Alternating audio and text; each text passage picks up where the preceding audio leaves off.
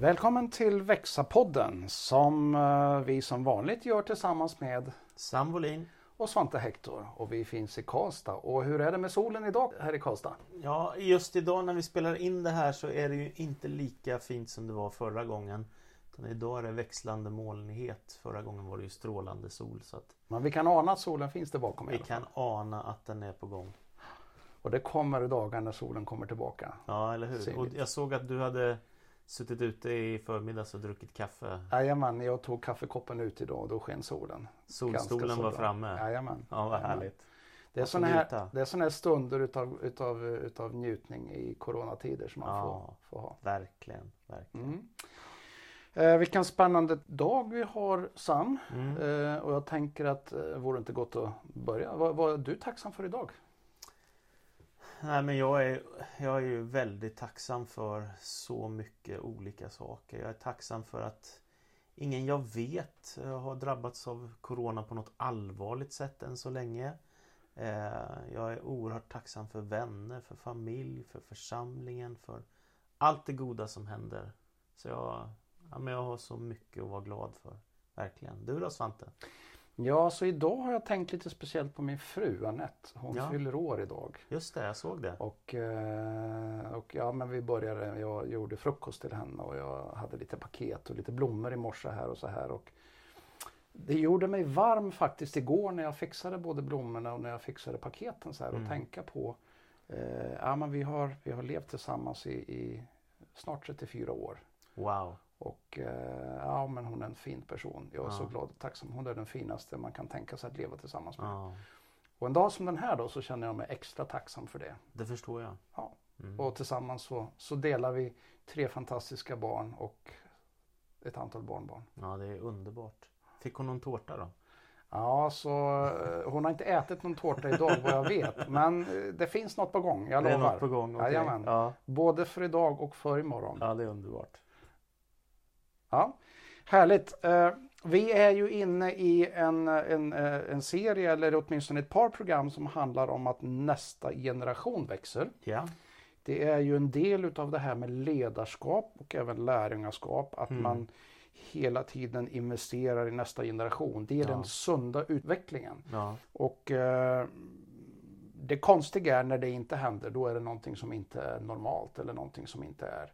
Eh, och förra gången så pratade vi lite grann om, om tankeexperimentet. Vad händer på en ort om inga barn föds? ja, Eh, och vi tog det vidare också in i kyrkans sfär. Vad Mm. händer om inga, inga nya kommer till tro? Om inga unga kommer till tro och så vidare. mm. Eh, vad, vad, vad mer kommer du ihåg från vårt förra avsnitt som är värt att påminna bara så här innan vi går vidare? Nej men vi pratade ju om, tycker jag, välsignelsen av att, att vara tillsammans över generationsgränser. Vi var inne på en bibeltext som handlar om, från femte Mosebok, som handlar om välsignelsen att ge vidare någonting till nästa generation. Och att, att unga människor också kan få lära sig att älska Gud av hela sitt hjärta, hela sin själ och hela sin kraft. Och vi berättade lite om hur Jesus välsignade barn. Fast lärjungarna tyckte att det skulle sk- skjuta bort barnen så, så gör inte Jesus det utan han, han välsignar barnen, han välsignar nästa generation. Mm. Så vi pratade rätt mycket om det här med barn eh, Ja. och att ge barnen utrymme och plats för, Ja. att, för att växa till och bli nästa generation. Plus att generationerna är som bäst när de hör ihop och inte varje Mm. generation lever för sig själv. Just det. Och idag så nu går vi vidare in på, på kanske lite mer utav den här ledarväxlingen och ledarinvesteringen i nästa generations ledare. Ja, Och vi har, några, vi har några bibelberättelser som på något vis kan vara med och illustrera och vi har en del erfarenheter. ja. Eh, Men kan inte jag få börja Sam och fråga dig. Vad är det som har gjort att du är den du är idag? Alltså du är ledare, du är föreståndare för en kyrka, Mm. för en församling. Du är en författare, du är lyssnad på av många. Vad är det som har gjort att du har utvecklats till den ledare du är idag, tror du? Ja, det är, det är en stor fråga men, men det jag kan se är ju dels Dels att det är någonting som berör en som sätter en i en riktning i livet. Det tänker jag det första Alltså jag upplevde en kallelse ifrån, som jag upplevde från Gud som jag fick genom en profetisk hälsning i, på Nyhemsveckan, en stor kristen konferens. Så det tror jag är en sån här helt avgörande händelse i mitt liv att, att det var någon som ställde sig i, i vägen för mig bildligt talat va? och och hade ett budskap att Gud vill något med, med ditt liv. Det var en helt avgörande händelse som satte mig på en resa. Och var det en äldre eller en yngre person än dig? Ja, det var en äldre person som, skulle, som bad för mig. Mm. Och det, det var he helt avgörande för det, den liksom dagen den förändrade mitt liv kan man säga. Sen är det ju så många människor som jag har mött nu då. Jag, som jag sa, berättade sist tror jag att jag har varit pastor i 26 år nu. Och Alltså det är så otroligt många fina människor som man har mött. Människor som har gett förtroende, människor som har sett den, öppnat dörrar. Innan jag började jobba som pastor, jag kommer ihåg jag läste teologi i Örebro på Örebro Missionsskola eller Örebro Teologiska Högskola. Och, ja, men jag fick vara med och leda lovsång på stora nattmöten med massor av ungdomar som var ekumeniskt i Örebro. Ja, men jag var ju bara i 20-årsåldern liksom, men, men de öppnade upp den dörren för mig. Och, Ja, sen med tiden blev jag ungdomspastor i, i Norrtälje och sen i Jönköping och sen då när den dörren öppnade sig då och jag hade varit det ett antal år, ja men då fanns till exempel Pelle Hörnmark där som var föreståndare i Pingstkyrkan i Jönköping. Så att när jag kände att jag var färdig som ungdomspastor och tänkte nu är det kanske dags att sluta då, då sa han nej men jag vill ha kvar dig som pastor. Så att du kan börja jobba med bibelskolan här i Jönköping och, och så. Och då fick jag tio år till där som jag fick jobba de flesta av åren tillsammans med honom och många av de andra kollegorna. Så det här är bara några exempel på att andra människor betyder enormt mycket. Både att vara med och forma en, ge en möjligheter och öppna dörrar för en så att man kan göra något med den gåva man har. Mm. Hur har det varit för dig Svante? Ja, men jag har nog liknande erfarenheter och jag eh, börjar nog kanske med mina föräldrar och inte minst min pappa. Båda mina föräldrar hade stort förtroende för mig och, och i, i vuxen ålder här så har jag ibland förvånats över vilket stort förtroende de hade för mig. Ja. Och dessutom hade ni en väldigt speciell resa i livet eftersom ni bodde i Afrika också? Ja, under min uppväxt så bodde vi ju större delen men växelvis mellan Sverige och, och eh, Östafrika, Tanzania. Eh, så det är klart att jag fick ju jag fick ju vara med och uppleva kanske en hel del annorlunda saker som inte vanlig medelsvensson gör då. Jaha. Men men jag uppfattar att mina föräldrar hade ett, ett, väldigt stort förtroende för mig eh, och jag har förstått det efteråt ännu mycket mer. Ja. Men jag har ju tydliga minnesbilder ifrån det att jag var ganska så liten jag fick följa med min pappa. Eh, och han, han, Var var det någonstans? Ja, det var nere i Tanzania och jag fick följa med till alla möjliga sammanhang där han var. Jag kommer ihåg vid ett tillfälle han var hos polischefen i regionen. Mm. För det var någon form av tillstånd som behövdes för för den eh, verksamheten som kyrkan bedrev och han träffade den här polischefen. Och jag var inte speciellt gammal men jag fick följa med in där. Mm. Eh, och det var inte enda tillfället. Jag har varit med på ganska många sådana tillfällen där som egentligen borde vara liksom sammanhang bara för vuxna. Ja. Men jag fick följa med. Och jag fick lyssna. Jag lärde mig väldigt mycket på det har jag insett eh, efteråt. Hur gammal var du då? Ja, alltså det var allt ifrån jag vissa sammanhang före jag började skolan men sen under, under skolgångens väg uppåt eh, hela vägen kan ja. säga vid olika tidpunkter. Så det här är eh. saker liksom 40 år tillbaka i tiden ja, kanske? Absolut, eller? absolut. Och någonstans så har jag märkt att det har påverkat mig väldigt mycket för att jag eh, har aldrig varit rädd för att möta hög eller låg eller människor i olika positioner eller sådär. För någonstans så fick jag lära mig redan från början av att, av att vara med vid sådana tillfällen. Ja. Eh, så det är bara ett sånt där exempel. Sen, sen är det ju andra enskilda människor som absolut har sett, eh, sett någonting som jag står för och någonting som jag har och så har de öppnat vägen och, mm. och bjudit in mm. eh, i olika roller, ja. olika sammanhang. Jag tror inte att det är någon roll som jag kan dra mig till minnes att jag har stridit för att få själv. Nej. Utan, utan det är andra som har liksom öppnat dörren, sett någonting öppnat och gett förtroendet. Ja, och det kanske där du säger en nyckelfråga också med förtroende. att både ge förtroende och bygga förtroende. Mm. Så att man kan få öppnade dörrar för sig som ledare och kunna gå in i olika viktiga uppdrag. Mm.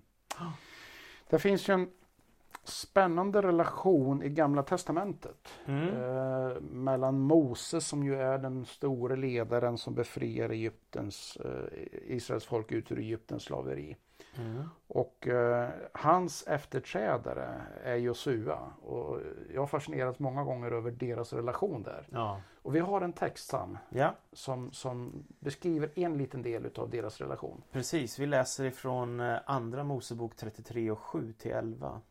Mose brukade ta tältet och slå upp det utanför lägret, ett gott stycke därifrån. Han kallade det uppenbarelsetältet. Var och en som sökte råd hos Herren fick gå ut till uppenbarelsetältet utanför lägret. Varje gång Mose gick ut till tältet reste sig alla och stod var och en vid ingången till sitt tält och såg efter honom tills han hade gått in i tältet. Och när Mose hade gått in sänkte sig molnpelaren och blev stående framför ingången och Herren talade med Mose. Och då folket såg målpelaren stå framför ingången till tältet reste de sig alla och bugade sig djupt, var och en vid ingången till sitt tält. Och Herren talade till Mose ansikte mot ansikte som en människa talar till en annan. Sedan gick Mose tillbaka till lägret. Men hans medhjälpare Josua, Nuns son, en ung man, lämnade aldrig tältet. Svante, ska du ge en liten, innan vi börjar prata om den här texten och generationerna, ska du ge en liten bakgrund? Vad är det här för någonting? Liksom, det är ju inte på Ikea direkt det här. Vad, vad är det någonstans? Liksom, ge oss lite bakgrund. Ja, så det här är ju, utspelar sig i öknen. Eh, Israels folk har lämnat, enligt profetiska löftena, så har de lämnat eh, slaveriet som de hade i, i cirka 400 år. Mm. Och Mose har, fått det uppdraget av att eh, befria dem där. Och eh, som jag sa i förra poddavsnittet, Mose spenderar 40 år först i, i faraos hus, där han Ja. växte upp och skolades in i den miljön. Och det var Egypten liksom. Egypten, ja. Egypten. Med, med prinsen och... prinser och, och, och regenter och, och Ja. allt. Lärde sig förmodligen allt som, som man gör för att styra ett land där. Ja. Och så hände lite saker som gjorde att han hamnade i öknen och så fick han lära sig det hårda livet i öknen och allt vad det nu innebär. Så det är där de är liksom med tält och grejer nu. Och nu, och nu så har han alltså då befriat eh, Mose, alltså vid 80 års ålder så har han gått in så har han eh, med Guds kraft lyckats att befria Israels folk och så är de på väg ut, alltså de har kommit ut ur Egypten, de är ute i öknen. Mm. och har ännu inte kommit in i det förlovade landet. Nej. Som Eh, Gud har gett ett löfte om. Som Gud har gett ett löfte om. Ja. Ja.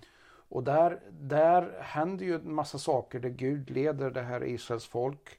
Eh, Bland annat så går de efter en eld eh, och Mm. de går efter en molnpelare. Mm. Och här har de slagit läger och de har en, de har en plats ja. dit människorna kommer för att söka Guds, Guds uppenbarelse eller Guds söka råd som det står Ja. i den här skriften då. Ja. Och de är i ett tält. Ja. Eh, Och där är Mose mycket och, och det verkar som att eh, Mose och Gud de har en, en, en, någon form av ganska öppen kommunikation. Ja. Eh, och, och på det sättet är Mose lite grann utav den här kanalen, den här medlaren mellan Gud och människa. Mm. Eh, och där är det fascinerande. Folk kommer dit. Mm. Folk kommer dit för att få råd, få hjälp om saker och ting Mm. inför Guds ansikte. Och där har då Mose en, en ung medhjälpare. Ja, precis. Josua och, och när vi läste den här texten då när vi hade samlingen med ledare här i Karlstad för en tid sedan då Jag blev väldigt berörd, det var ju du som hade förberett den här men jag blev väldigt berörd av texten därför att det står Mose gick fram och tillbaka mellan lägret och tältet. Men den han tog med sig, Josua, den unga, han stannade vid tältet där Guds närvaro uppenbarade sig. Jag tyckte det var väldigt berörande därför att det är som att nästa generation får uppleva Gud och nästa generation får uppleva Guds härlighet och närvaro. Och går längre än vad Mose gör. Och jag kom också att tänka på då när vi träffades och pratade med ledare att det står faktiskt i Moseböckerna att det uppträdde aldrig någon mer profet som Mose. Alltså Mose var den största, den mest avgörande, betydelsefulla personen antagligen då i tidig Israels historia liksom så som för folket utifrån slaveriet. Men ändå så är det Josua som Det är nästan som att han vill gå längre i relationen än, än vad Mose har gjort. Och dessutom är det Josua som för Israels folk in i det förlovade landet, inte Mose. Mm. Som då kanske ändå var en större profet än Josua så är det ändå Josua som får fullborda det. Då tänker jag, jag kommer ihåg du sa någonting då när vi pratade om det här med ungdomlig entusiasm. Kan du kom kommentera det Svante? Ja, så jag tycker mig ana och se här att, att kanske är det så här att Josua har, han har fått smak på någonting, han har sett någonting. Och, Ja. och när han fångar det, då ger han sig hän det. Ja. Och jag tänker att kännetecknar inte det lite grann när man är ung och man, man har fångat något, man är fascinerad av något man gillar, ja men då ger man sig hän. Ja. Jag vet att du har pratat mycket om hur du gav dig hän rockmusiken. Och du, alltså det var, det var ditt allt. Ja. Eh, så ja. under en period. Och här uppfattar jag att, att när man här har Josua fångat någonting och han vill inte släppa det. Nej. Utan han stannar kvar där. När Mose går fram och tillbaka då stannar han kvar. Och någonstans så påverkar det Josua uppfattar jag väldigt tydligt för att när man följer deras relation genom hela vägen. Det är ju så småningom som du säger Josua som får leda hela Israels folk, inte Mose då, utan in i det, i, i det förlovade landet. Ja. Eh, Men hela vägen fram där så, så särskiljer sig Josua. Exempelvis när Mose skickar 12 stycken spejare då Ja. in i landet. Så kommer de alla tillbaka och alla är överens, ganska tydligt överens om, om researchbilden som de har. Så här ser det ut i landet. Och nu pratar du om löfteslandet Då som, pratar vi om löfteslandet. som Gud ja. har lovat Som Gud har lovat, ja. Så de har, de har gått in, de har tittat hur det ser ut och gjort research. För att också se hur de ska ta sig in där sen så småningom. Ja. Men då är det två stycken som särskiljer sig. Eh, inte när det gäller dataanalys eller beskrivningen utav, utav vad de har sett, eh, Nej. alltså datainsamlingen, den, Nej. den är de överens om. Men det de inte är överens om det är tolkningen utav den. Ja. Och där skiljer sig eh, Josua och Kaleb. Mm. För de konstaterar, ja visst, de är som jättar i det här landet. Mm. Men vi har ett löfte, vi har ett Guds löfte. Mm. Så någonstans så verkar det som att den här närheten till Gud, det här som Josua har liksom fått redan tidigt, det påverkar honom och hans förmåga att tolka eh, informationen som ju sen visar sig stämma och som lyckas ju med det här. Eh, Så tack vare Mose som är en generation över Josua så öppnas den här dörren till en stark gudsrelation för Josua. Och även om han aldrig blir en lika stor profet som Mose så är det ändå han som får dels vara en av de här troshjältarna som säger att det här kommer gå, vi kommer klara av att, Mm. att få gå in i löfteslandet och dessutom är det han den som får genomföra det. Mm. Det är ju rätt stort. Så Mose skapar förutsättningar och jag älskar att eh, Josua vill vara kvar vid uppenbarelsetältet i Guds närvaro när Mose är färdig med Gud. mm. Då vill Josua vara kvar. Och när jag läser den här texten Sam, då blir jag ju utmanad. Vad är det för sådana platser för Guds närvaro Ja. som vi har i Ja. vår tid? Ja. Vad är det för sådana platser som du och jag och andra ledare kan Mm. skapa Mm. eller har? Och där vi ser till att vi har nästa generation med oss. ja, precis. Och, och att de är med på ett sådant sätt så att de fångas, inte i första hand utav våran förträfflighet, utan de fångas utav Guds närvaro. Ja, exakt.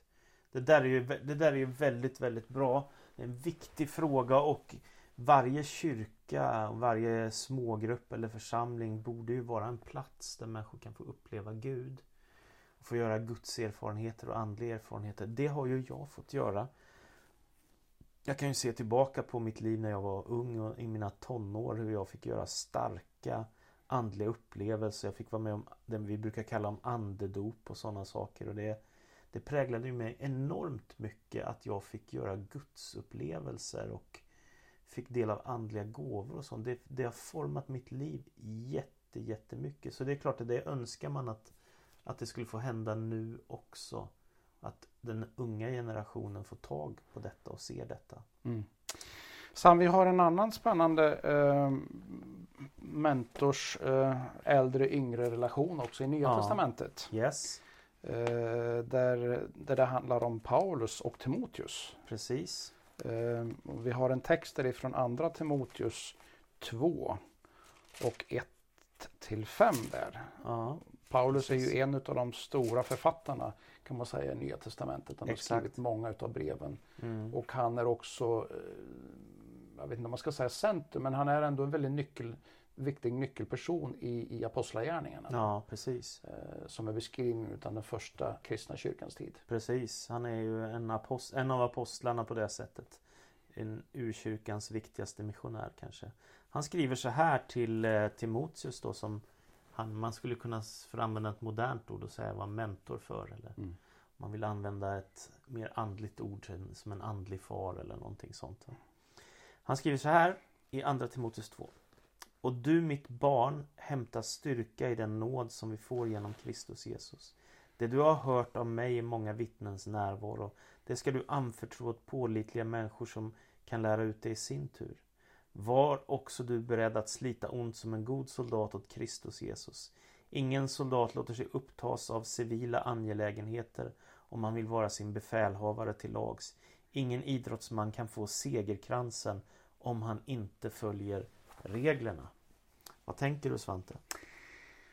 Jag tänker det är ganska så, så, så eh, kraftfullt det Paulus säger. eh, För det är ju sant, om man läser fler utav texterna som är beskrivna så är det väldigt uppenbart att Paulus tar med eh, Timoteus som sin, sin adept. Ja. Eller menti som man säger på engelska då. Mm. Han investerar i honom, han uppmuntrar honom, han samtalar, undervisar och så vidare. Ja. Men när han skriver till honom här så skriver han och du min son. Ja. Paulus är ju inte biologisk far. Nej. eh, Men han har tagit honom till sig som sin son. Det är fantastiskt. Jag tänker att det är någonting häftigt, eh, Mm. alltså något oerhört fint i deras relation. Ja. Eh, Och då tänker jag så här som förälder så, så är man ju oerhört angelägen om sina barn. Ja. Eh, Oerhört, man vill dem verkligen väl. Mm. Det, är ju, det må ju vara så här att det är inte alltid jag är överens med mina barn i allt. Nej. Nej. Men jag är oerhört angelägen om dem och jag lyssnar gärna på dem. För de har ofta väldigt kloka saker. Mm. Eh, och jag uppfattar att de också eh, vill lyssna på mig. Men den här känslan, den här inställningen, alltså när vi pratar, när vi delar, när jag liksom lyssnar, är, är, då är jag genuint intresserad för det är mina barn. Ja. Eh, jag är genuint intresserad av att det ska gå dem väl. Mm. Och jag upplever inte någon av dem som ett hot mot mig. Nej. Utan snarare är det en glädje om jag ser att de går vidare. Och, så här. Precis. och den, det är det här som jag uppfattar att Paulus har för Timoteus. Fast han inte är biologisk son och fast hans föräldrar antagligen lever och, och, han, och Paulus har ju inte adopterat honom heller. Nej, inte vad Utan vi det är, bara, se. det är bara en relation som är så stark att han kan använda begreppet son. Mm. Det är väldigt, väldigt vackert. Sen ger han ju, ger han ju Timoteus tydliga instruktioner. Ja, men det du har hört, det du har läst, Ja. det jag har lärt dig. Ja. Ta det nu vidare till andra. Håll det inte bara för dig själv. Okej, så det betyder Paulus är liksom generation 1. Sen kommer Timoteus och det stannar inte med honom utan det ska vidare Ja. till, till, till människor i sin tur som i sin tur i fjärde led ska ge vidare till andra också. Mm. Så det tar liksom aldrig slut. Nej, så är ju den bibliska tanken. Dock kan man se då, jag vet inte om du har stött på det Sam, men, men det finns ledare som har en tendens att vilja hålla kunskap, information och saker för sig själv. Därför att det ger dem en känsla utav att jag har kontroll över det här. Ja. Och släpper inte vidare. Har, har du varit med om det någon gång? Absolut varit med om det och eh, ett av de mest konkreta exempel jag, jag, jag, jag, kommer ihåg jag var på resa i USA och jag, jag var eh, och hälsade på i en, en ganska välkänd pastorskyrka. Han hette David Wilkerson. Han lever ju inte längre men Men han var ju fortfarande kvar i församlingen men han var kanske runt 70 Och trots att han då är kanske en av de mer berömda pastorerna i USA Så hade han lämnat över föreståndarskapet till nästa generation och var själv en medarbetare eh, Medan jag kom till någon annan kyrka och då var det någon pastor han var Han stapplade upp en gammal fin farbror naturligtvis Till talarstolen och så kände jag här Här är ett rike av dvärgar Här har inte de andra fått växa utan han Han släpper inte ifrån sig fast han Antagligen inte kommer leva så länge till va? utan han Han har massa medhjälpare och sen var han liksom centrumperson. Så det är en av de här tydligaste bilderna jag har. För det var på samma resa i USA vi var. Så då, då, såg jag det här så konkret. Så det finns en tydlig fälla för ledare av att inte våga släppa ifrån sig. Kanske av välvilja, ja. kanske av att eh, det ska bli så bra som möjligt ja. och ingen kan göra det så bra som jag. Nej, det kan vara så. Eh, men det är inte den bilden som Bibeln verkar ge oss. Nej, och jag menar även den här personen som jag pratar om nu, det var en fantastisk bibellärare. Men det är klart, han var redan då i 80-årsåldern och så. så att någonstans, det blir inte sunt om man inte lämnar till nästa generation. Mm. Ja du, vad kan vi lära utav det här och vad kan vi lära utav mentorskap och att faktiskt investera och ta tid i nästa generation. Vad tänker du Sam? Är det någonting vi behöver göra annorlunda än vad vi gör? Eh... Ja, det här är stora frågor. Jag, jag tänker så här. Jag, jag kommer ihåg min kollega i Jönköping när jag jobbade där i Pingstkyrkan på början på 2000-talet så sa han så här om kristen tjänst och att jobba i församling och så. Så sa han Gud kallar men människor ger förtroenden. Och det är en väldigt klok insikt därför att det hjälper ju inte om jag känner att Gud vill något med mitt liv eller jag vill bli präst eller pastor eller missionär eller diakon eller jag vill bli församlingsledare. Det hjälper ju inte om ingen annan tycker det. Då kommer inte dörren öppna sig för mig utan då står jag ju och klappar på en stängd dörr. Så att om Gud kallar så är det också så att man behöver bygga förtroende åt båda håll och man måste vara öppen att öppna dörren för nya människor. Eh, och behöver vi då göra någonting annorlunda? Ja, det tror jag faktiskt vi all, alla Om man nu fokuserar på kyrkan här nu för en stund eftersom vi i förra programmet var ganska generella och pratade om generation. Så tänker jag kyrkan har ett ansvar att se till att nästa generation, det kan vara unga vuxna, det kan vara familjer, det kan vara småbarn, det kan vara tonåringar, det kan ju vara olika. Alltså det, vi har ett ansvar att se till att vi öppnar dörrar för dem, för nästa generation. Och eh, eftersom det här också är en tid där så många flyttar mellan olika platser så är det ännu viktigare att jobba med de här frågorna konkret. Och jag skulle väl bara tänka att om man då har ledarskap i en församling så behöver man hela tiden tänka på vilka yngre människor har jag? För vi har ju, jag menar, du och jag Svante till exempel, vi är ju, du är lite äldre än mig men, men vi är ungefär samma generation. Vi kan ju jobba tillsammans men om tio år 20 år. Liksom. Alltså vi måste ju tänka på vilka kommer efter oss. Mm. Och då måste man ge förtroende. Och jag, jag brukar försöka vara på jakt efter liksom, vilka unga människor finns det som jag ser här händer det någonting i deras liv. Och, och vad gör du när du har hittat någon? Jag, jag bygga relation tror jag är mm. det viktigaste jag kan göra. Jag brukar bjuda dem på restaurang på stan och brukar umgås och träffas med dem och eh, ge dem, försöka ge dem något förtroendeuppdrag i kyrkan. Eh, men jag tycker att vi skulle behöva bli mycket bättre på detta. Vad tänker du Svante? Ja, men jag delar ju den bilden. Jag gör på liknande sätt. Och, och ett, eh, jag brukar försöka att uppmuntra. Alltså jag ser, alltså bara säga det. Du, det där du gjorde det var fantastiskt fint. Det var ja. väldigt bra. Ja. Fortsätt, fortsätt att göra det. Ja. Alltså lite uppmuntran, lite konstruktiv återkoppling och uppmuntran. Det betyder väldigt mycket för att om människor blir sedda och ser att det är någon som visar intresse i dem så betyder det väldigt mycket. Det har betytt så för mig och jag ja. ser att det är så för andra också. Sen har jag ju naturligtvis, eh, jag jobbar mycket med mentorskap. Mm. Jag gör det både i en professionell roll men jag gör det också eh, inofficiellt. Alltså ibland mm. är det så här, precis som du. Jag, jag bjuder någon på lunch eller vi går och fikar eller så mm. här. Mm. Och så sitter vi och pratar och kanske är jag sån som person, lite nyfiken och ställer lite frågor och, och, och med hjälp utav bra, väl, alltså bra frågor, utvecklande frågor så kan man ha en dialog som hjälper en människa vidare. Kan du ge något exempel? Ja, jag kan ta ett, ta ett exempel om, vi, om, vi har, om jag har mött och pratat med, med, med, någon och vi sitter och fikar tillsammans så, så kan jag ställa en sån här fråga. Men du, vad gör Gud i ditt liv? Vad ser Oj. du? Vad händer? Ja, vilken stor fråga. Ja, vad händer då? Ja, men det blir alltid ett väldigt spännande samtal. Ja. För någonstans, för en del så blir det lite överrumplande. För mm. andra så, så, ja men det här händer. Och det leder alltid till att vi får ett samtal vidare. Mm. Eh, och det kan leda dig vidare till frågan, men vad är ditt nästa steg då? Vad, gör du, vad, vad ska du sen? Vad tror du är bäst? Så det är en viktig fråga också. Vad är nästa steg? Ja, nästa steg och, och visa och kanske är det så här att jag i ännu högre grad bara ställer frågor och hjälper personen vidare mer än att jag tycker. Sen kan ju man naturligtvis med de frågorna ger jag ju någon form av riktning vad jag tror kanske är viktigt då. Mm, mm. Eh, Men det är viktigt att personen har det egna ägandet över sin utveckling. Okej. Men att jag som ledare någonstans är stöttar och ser, bekräftar, uppmuntrar. Du kan öppna dörren, du kan ge förtroende, du kan ge viktiga frågor och så. Eh, ja men det är jättebra. Det, det där tror jag verkligen är viktiga nycklar. Och kyrkan behöver ju jobba med generationsskifte. Så att nästa generation kommer fram och nästa generation får tillfälle att växa in i tro och komma till tro på Kristus. Eh, och jag tänker liksom därför är det viktigt för varje kyrka också att tänka på Finns det någon söndagsskola? Finns det barnverksamhet? Finns det smågrupper med, med, med liksom barn och ungdomar? Eller kan vi göra något nytt ungdomsarbete? Kan vi starta en fritidsgård? Alltså man behöver tänka de här tankarna hela tiden så att nästa generation kan få utrymme i kyrkan. Mm. Men vi ska ju gå mot avslutningen Svante.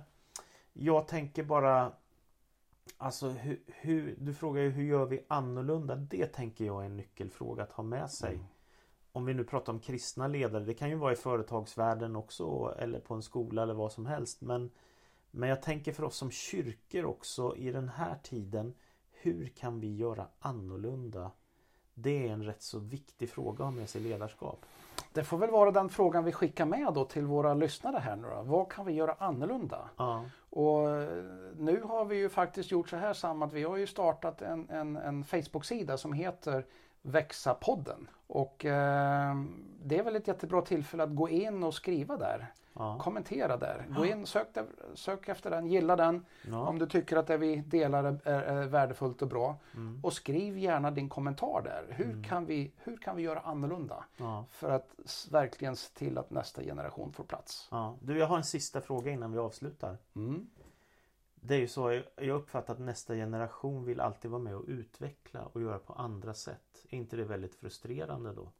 För en som etablerad ledare som kanske är 50, 60 eller ännu mer. Jag tänker att varje, varje generation måste få någonting från den tidigare generationen, ta emot någonting. Ja, Men det får aldrig stanna vid att det bara blir ett förvaltande av tidigare generation. Utan varje generation måste också få utrymme att vara med och utveckla enligt Ja. sin tid. ja, För att annars så hamnar vi inte med utan då hamnar vi i historien. Då hamnar vi inte med tiden. Så det måste ske en ständig utveckling. Ja, Och i varje ledarskapsskifte när en ny ledare tar över ett huvudansvar så blir det på andra sätt. det blir på andra sätt. Det går inte att ha någon status quo att Nej. det ska vara som det Och alltid väldigt ofta så kan det bli mycket bättre. Ja, och det är ju det häftiga. Ja. Det är det häftiga. Mm. Det sista vi säger tänker jag Svante, du hade en sån fin berättelse om ditt barnbarn. Kan du inte ta den när ni skulle åka till landet? Jag tyckte den var fin. Ja, det det är, säger något också om, om det här med att jobba över generationsgränser. Vi, vi har, jag och min fru vi har, vi har en, en lantegendom eh, som är egentligen familjeegendom som har funnits i familjens ägo sedan 1840-talet. Wow. Eh, och eh, rent juridiskt sett så är det jag och min fru som äger det. Men det är ju liksom storfamiljens på något sätt. Och, och vi är ju många som kommer dit och Mm. sådär. Och, Både barn och barnbarn. och häromsistens när, när, eh, för ett tag sedan när vi skulle åka dit, eller vi pratade om det här så, så var det Aron, mitt barnbarn som är fyra, fyra och ett halvt år, så sa han När ska vi åka till våran stuga? Ja, så det var inte bara din och Anettes stuga. Nej, Det var hans han, han, kände, han kände delägarskap i det. Ja, Eh, ja, underbart. Ja. Så morfar får inte äga den där helt själv. Och jag är glad, jag är glad över att, att, att, att mina barnbarn kan känna så. Ja, det är fantastiskt. Och mina barn likaså Så det är en naturligtvis. välsignelse just för nästa generation. Någonting finns. Gott Sam, Mm. tiden går fort när vi Ja. har roligt. Då. Ja, Men vi får spara lite grann till nästa podd också. Det gör vi, vi absolut. återkommer ju, eller hur? jajamän. Och glöm inte som sagt var, gå in på Facebook om du har det. Växa-podden. Du kommer också åt Växa-podden Facebook även om du inte är med där. Eh, och hitta den, sök på den. Och där kan du återkoppla till oss. Där kan du skriva till oss också. Ja, Och då får vi meddelandet, dina synpunkter, dina tankar på, på det vi säger. Kanske något bidrag till, till en fråga som vi ska ta upp i kommande poddar. Så här också. absolut. Det är bra. Och vi som har pratat idag, vi är Sam Wolin. och Svante Hector ifrån Karlstad. Ha en riktigt bra dag. Yes.